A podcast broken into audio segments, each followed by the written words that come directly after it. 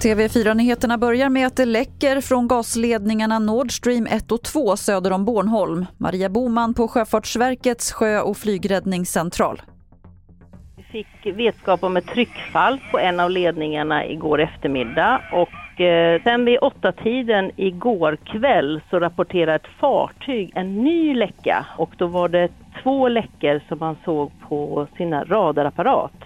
Och det vi har gjort är att skicka ut en nabbtextvarning och varna sjöfarten och ett säkerhetsavstånd runt de här läckorna. Än så länge är det oklart varför de läcker men tyska regeringskällor ska enligt tysk media ha sagt att läckorna inte är någon slump utan man misstänker sabotage.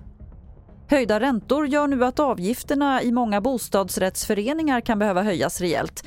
I nybyggda föreningar med stora lån kan det handla om höjningar av avgiften på 50% Det säger experter som SR pratat med. Nya föreningar har i snitt mer än dubbelt så mycket skulder per kvadratmeter och drabbas därför hårdare.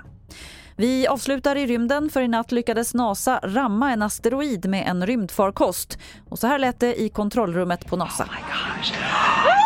Oh, wow. Awaiting visual confirmation. Det är alltså ett experiment för att i framtiden kunna ändra banan för himlakroppar som är på väg att krascha med jorden. Fler nyheter finns på tv4.se. Jag heter Lotta Wall.